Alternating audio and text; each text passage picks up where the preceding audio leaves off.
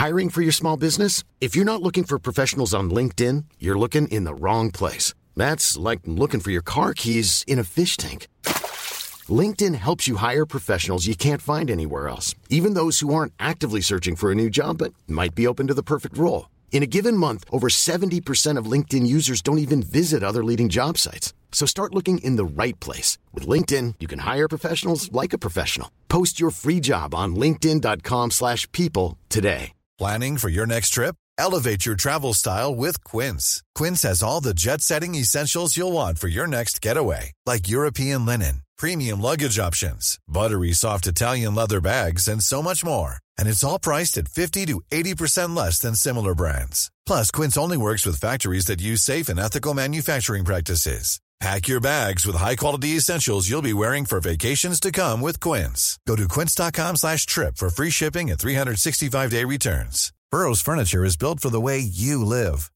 From ensuring easy assembly and disassembly to honoring highly requested new colors for their award-winning seating, they always have their customers in mind. Their modular seating is made out of durable materials to last and grow with you. And with Burrow, you always get fast, free shipping. Get up to 60% off during Burrow's Memorial Day sale at burrow.com slash ACAST. That's burrow.com slash ACAST. burrow.com slash ACAST. Generaler, admiraler, kjære venner, kjære medlemmer, kjære gjester. Varmt velkommen til nok et møte i Oslo Militære Samfunn. Noen av oss startet vår militære løpebane veldig tidlig på 80-tallet. Fra da av og utover, i hvert fall, så hadde vi ikke noe særlig forhold til grader som sersjant, kvartermester, utover de tolv månedene man var dette etter befalsskolen og før man ble offiser. Og offiserene var de som ledet og drev Forsvaret. Så var det noen sivilt tilsatte. Så mye visste vi. Ja, Og så hadde vi jo hørt rykter om at det var en andre etasje på et langt, gult bygg på Nordøstlandet et sted, hvor det var noe sånn skummelt som vervede grenaderer, som var en sånn mellomting mellom befal og noe annet. Men utover det så hadde vi ikke noe forhold til det som før het underoffiserer. Og det som vi i dag er i ferd med å bygge opp, som heter spesialistbefal. Det er noe som jeg vil hevde kommer i sterk eh, erfaring fra 90-tallet og utover. Og de erfaringene vi gjorde oss i internasjonale operasjoner, når vi så på nært hold hvordan våre allierte opererte i skarpe operasjoner. Vi fikk nok noen impulser der. Men nå er jeg nesten i ferd med å gå aftenens foredragsholder i næringa. Forsvarssjefens sersjantmajor, forsvarssjefens sjefsersjant, sersjantmajor Inga Lund, er aftenens foredragsholder, og som skal orientere oss om akkurat dette temaet. Status, erfaringer, utfordringer. Ingar har bakgrunn fra spesialstyrkene. Og det er det jeg kan fortelle om det. Men utover det talerstolen er din.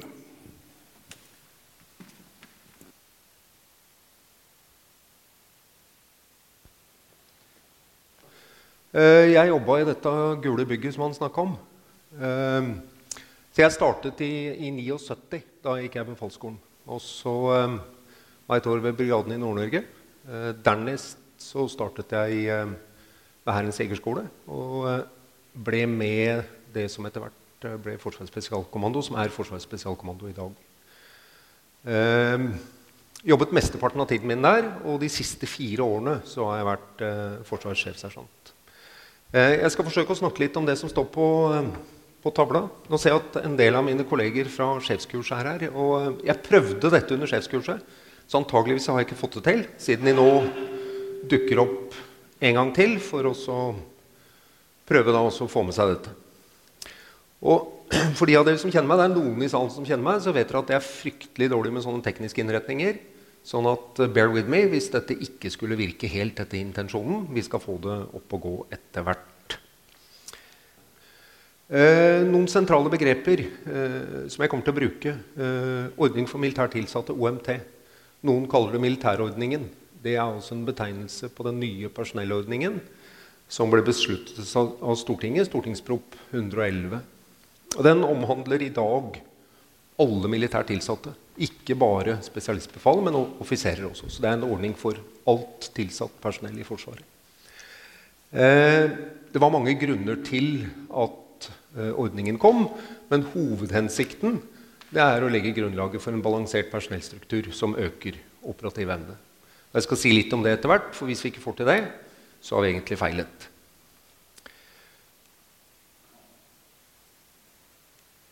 Ja. Litt historikk til å begynne med.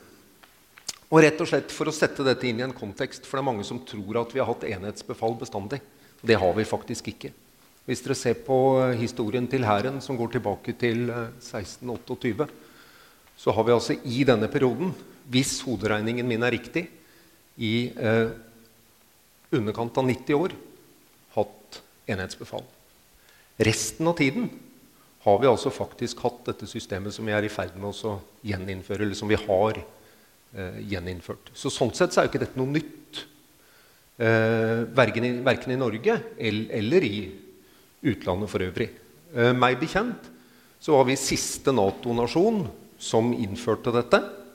Og jeg har alltid lurt på hvorfor vi var det, og hva som var så spesielt her, siden vi klarte oss så godt uten, når alle andre mente at dette var eh, nødvendig. Men eh, fram til eh, 27 så hadde vi det altså. Da ble den siste underoffisersskolen lagt ned.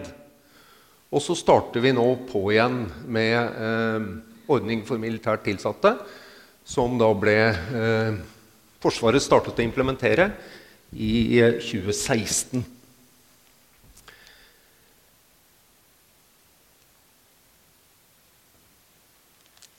Ja.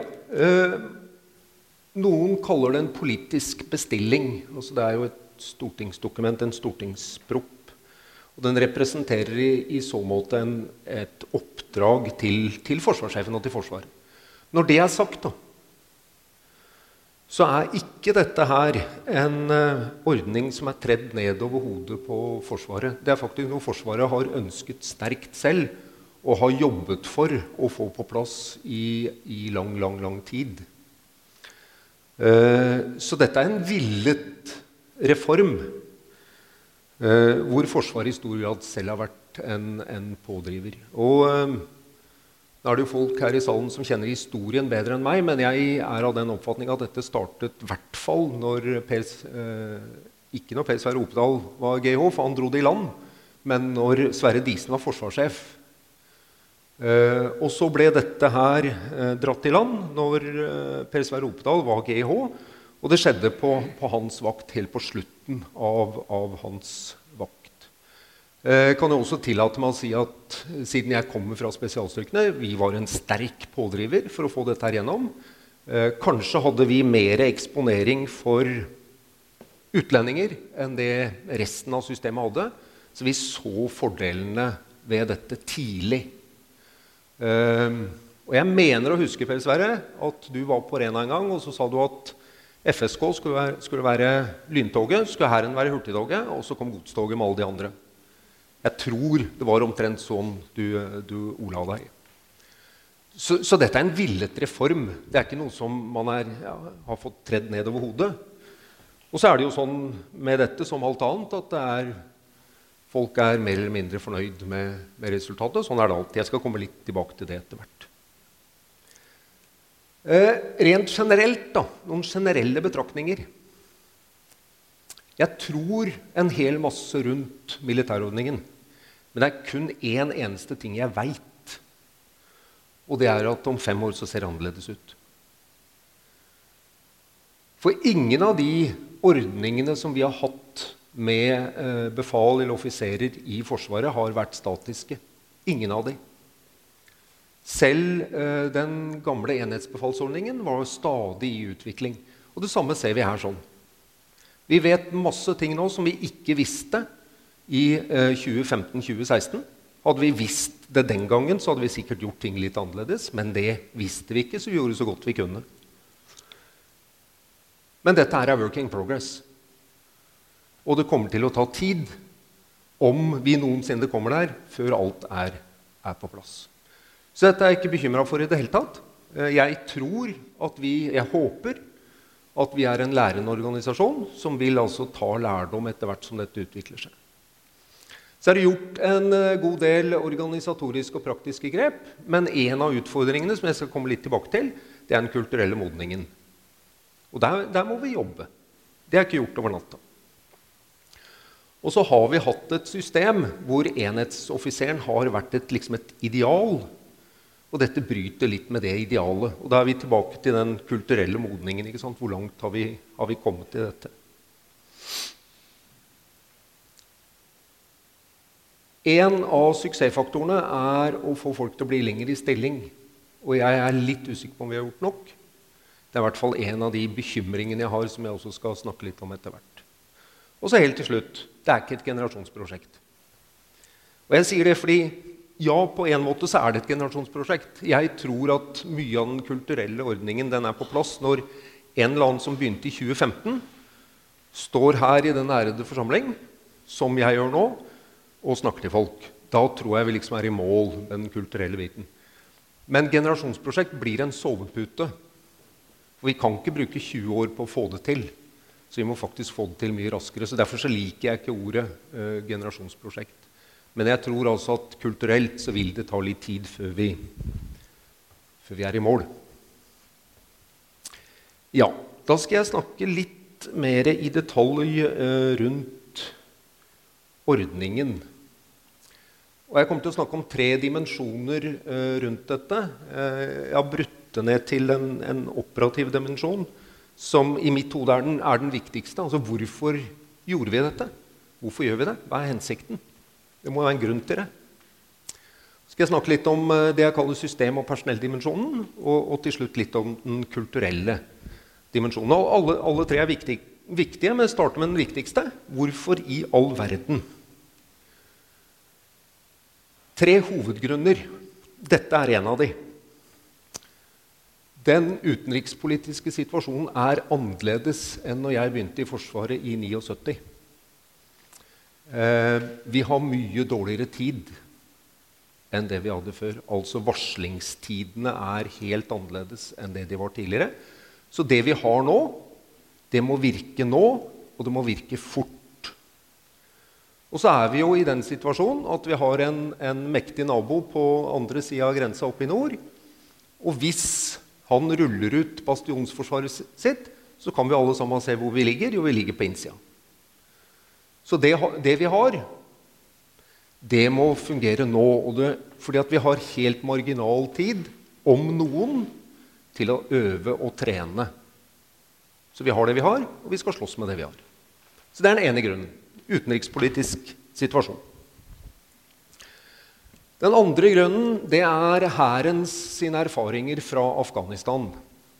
Hvor man så at på et midlere og høyere nivå så gikk det aldeles utmerket. Og så manglet vi håndverksmessig kompetanse i bånn. De som faktisk sto og sloss med Taliban, der var håndverksmessig kompetansen for dårlig. Og krig mine damer og herrer, på det nivået er håndverk. Rett og slett håndverk. Og for å bli god i håndverk så må du holde på med det lenge. Det holder ikke å ha sånn touch and go på dette. Og Hvis jeg bruker meg sjøl som eksempel da, når jeg begynte i eh, 79 Jeg gikk befalsskolen for kavaleriet, oppklaringslinjen. Det mest avanserte materiellet vi hadde, var en AN PRC 77 radio. Det var å slå av og på. Det var to hjul for å skru frekvens.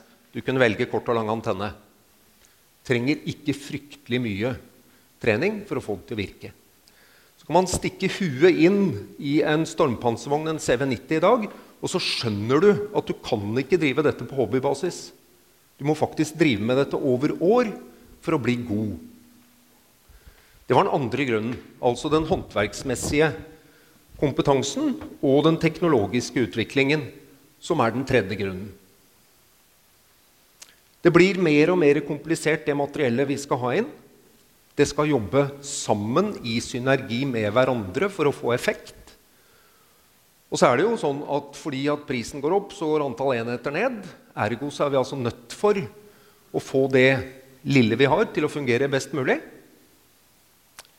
Da må vi ha folk som er gode på det teknologisk kompliserte, avanserte eh, materiellet vi, vi har.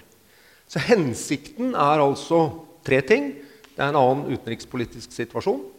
Det er eh, håndverksmessig kompetanse på de som står det, nærmest fienden, som den nåværende forsvarssjefen sier. Og det er den teknologiske utviklingen. Og alle tingene er altså for å øke operativ evne. Så har vi også drevet litt sånn tilpassing av Nato. Eh, første turen min avdeling hadde til Afghanistan, så stilte vi altså med en patrulje som skulle ut bestående av to kapteiner, to løytnanter og to fenriker. Og fenriken var patruljefører, og kapteinen var en radio. Og Hvis du prøver å forklare det til Nato, så skjønner de ikke hva du snakker om. Det er ikke mulig å få de til å skjønne det i Nato. Så vi skulle altså prøve å tilpasse vår struktur litt til Nato også. Men det var ikke det viktigste. Jeg har nevnt de tre viktigste grunnene. Så det var den operative dimensjonen. Så har vi en eh, system- og personelldimensjon. Eh, rett etter at jeg begynte, så sa Håkon Brun-Hansen, daværende forsvarssjef, at du må få systemet til å virke, og så må du skape en bærekraftig struktur. Og så er vi i en overgangsperiode med de utfordringene det medfører. De aller, aller fleste som jobber i Forsvaret i dag, de er vokst opp i det gamle systemet. Jeg er et produkt av dette. Alle andre offiserer på et visst nivå i dag er et produkt av det gamle systemet. og Vi er i en overgangsordning. Det enkleste hadde vært selvfølgelig å sparket alle og så startet helt på nytt. Men det kan vi ikke gjøre. Så ergo så har vi det personellet vi har. Og så må vi forsøke å få dette til å virke med det personellet vi har, som skal inn i en ny struktur som for veldig mange er, ukjent. Uh, og her, her, Dette er vanskelig, ikke sant? for her skal man ha mange tanker i hodet samtidig. Da. Uh, og Derfor er det litt viktig at når det gjelder dette, så, så skjønner vi intensjonen. Og så må vi altså leke med det vi har, inntil systemet er fullt opp og, opp og går. Og da er vi inne på den tredje biten, som er fryktelig vanskelig for mange. Og det er kulturdimensjonen.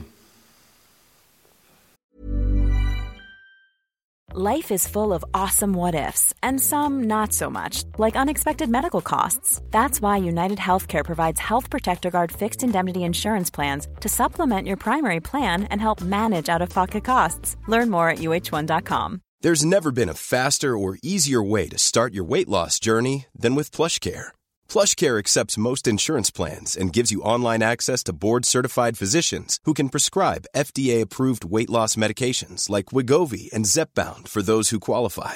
Take charge of your health and speak with a board-certified physician about a weight loss plan that's right for you. Get started today at plushcare.com slash weight loss. That's plushcare.com slash weight loss. plushcare.com slash weightloss.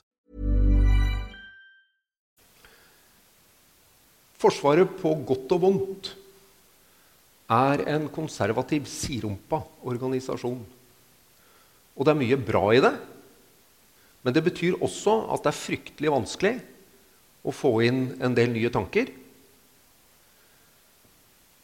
og få gamle ut. Og her har vi eh, et utfordringsbilde, fordi at vi har veldig mange, de aller, aller fleste, som er vokst opp i den gamle tradisjonen. Og så driver vi parallelt nå og innfører noe helt nytt. Hvor vi bl.a. har folk altså, som bytter fra én gradsøyle til en annen. Jeg var major i spesialstyrkene. Jeg er nå sersjantmajor, eller var sersjantmajor i spesialstyrkene. Arvtakeren min, som eh, starter om kun kort tid, eh, Rune Venneberg, var oberstløytnant. Nå er han sersjantmajor. Og vi var nødt for å gjøre det for at vi skulle få det til på de fem årene. Eh, jeg ser en del andre nasjoner som ikke har valgt å sette en tidsfrist. F.eks. svenskene. De har holdt på nå i 13 år. I 13 år har de holdt på. Og de holder på fremdeles. For alle har bestemt at dette skal være frivillig.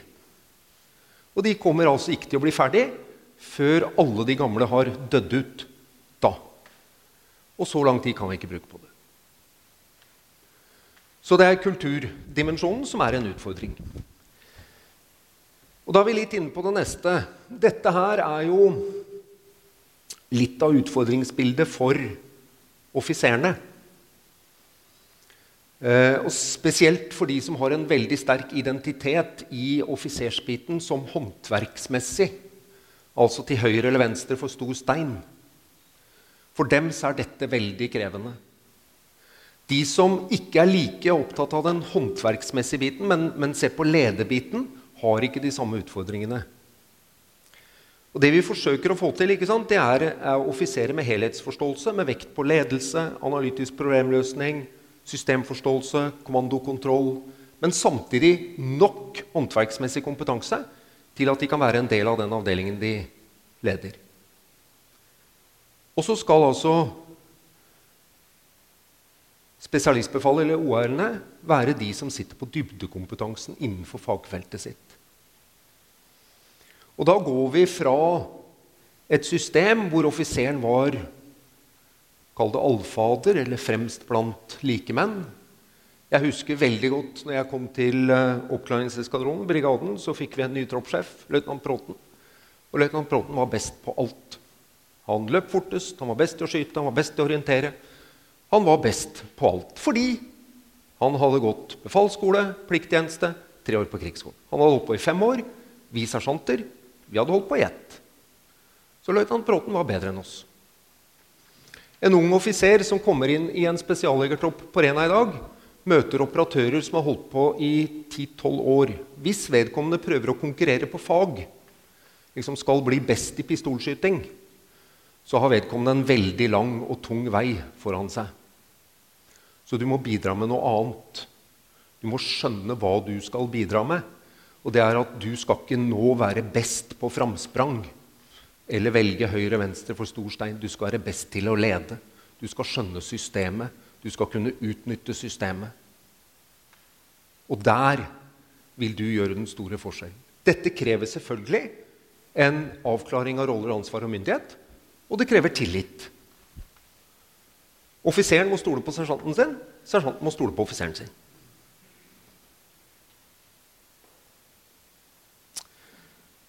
Så i stort så ser det omtrent sånn ut. Offiserene bygger kompetanse gjennom militærakademisk utdanning ved krigsskolene. Og Det er litt viktig at vi sier eh, militærakademisk utdanning. For det er masse spesialistbefal med høy akademisk utdanning. Men de har ikke militærakademisk utdanning, for da må du gå på krigsskolen. Jeg har en kollega på Rena eh, i spesialstykkene som har to mastergrader, men han vil ikke være offiser. For det er ikke det han har lyst til å holde på med. Han har lyst til å holde på med fag. Og denne ordningen gir vedkommende mulighet til å holde på med fag. Offiserene skal selvfølgelig være de som utfører kommando. Ikke alltid, men på trinn oppover i karrierestigen sin. Og så skal altså ON-ene bygge kompetanse gjennom utdanning, kursing, lang erfaring og etter hvert også eh, utøvende ledelse.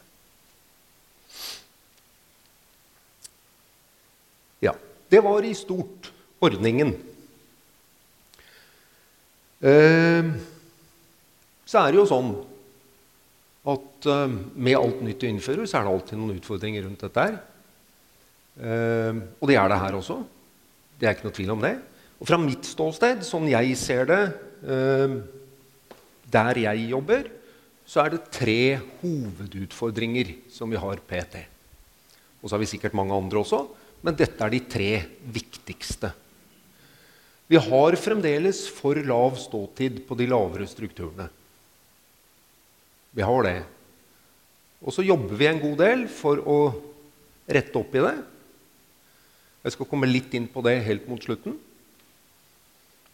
Kompetansebiten eh, Det er en forutsetning for å få dette til å virke at vi har en god etterutdanningspakke for roerne innenfor sine fagfelt. Og den har dessverre blitt noe skadelidende de siste årene. Og Da har vi en kombinasjon at vi ikke har den ståtiden vi helt ønsker, og så mangler vi litt på fagkompetansebiten. Så er ikke dette svart-hvitt, fordi at noen steder går det veldig bra, men andre steder så er dette en utfordring. Og så har vi, skal jeg tillate meg å være ganske frekk her, så har vi altså en del gamle oberster i Glava-laget som ikke vil dette vel. Og nå var jeg veldig ærlig med dere. Eh, så den kulturelle biten er, er en utfordring. Så veit jeg ikke om det var å dra det litt langt, men det er noe sånn jeg ser det fra tid til annen. Uh, så de tre tingene er altså hovedfokus for å få dette her opp og gå på, på best, best mulig måte.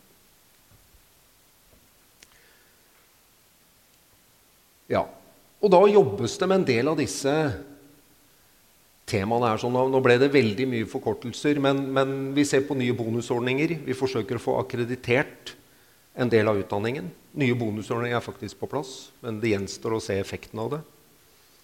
Vi forsøker å bygge digitale veikart for at de skal kunne se karrieren sin. Ehm, vi jobber med fagutdanningsnivå på våpenskolene, slik at du kan bli stående i samme grad, men ha en fornuftig eh, lønnsutvikling, selv om du ikke rykker opp hele tiden.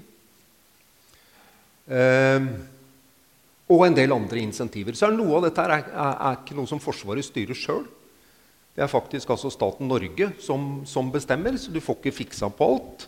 Men dette er i hvert fall en del av disse tingene det jobbes med for nettopp å én, øke ståtiden, to, øke kompetansen på de laveste strukturene.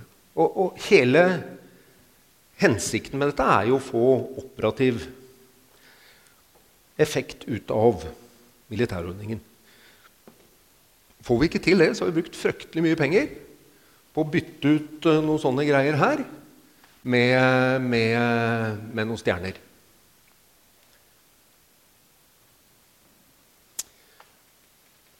Helt til slutt Jeg har snakket litt om ståtid, ståtidsfremmende tiltak. Uh, og dette starter selvfølgelig i bånn. Og det første vi må gjøre, det, og som vi ser på nå, det er å rekruttere riktige mennesker. Og der er vi nok litt uenige i, i, hva som er riktige mennesker. Skal vi altså ha et forsvar full av rakettforskere som skal tikke av et år eller to eller tre, og så skal de videre?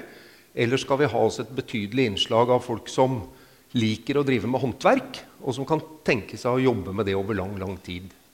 Og jeg tror de finnes, da, for det er masse eksempler på at man f.eks. i eh, Ta barneskolen som et eksempel. Lærere som jobber hele livet sitt på barnetrinnet og syns det er ganske ålreit. Men i Norge så har det ikke vært noen tradisjon for det.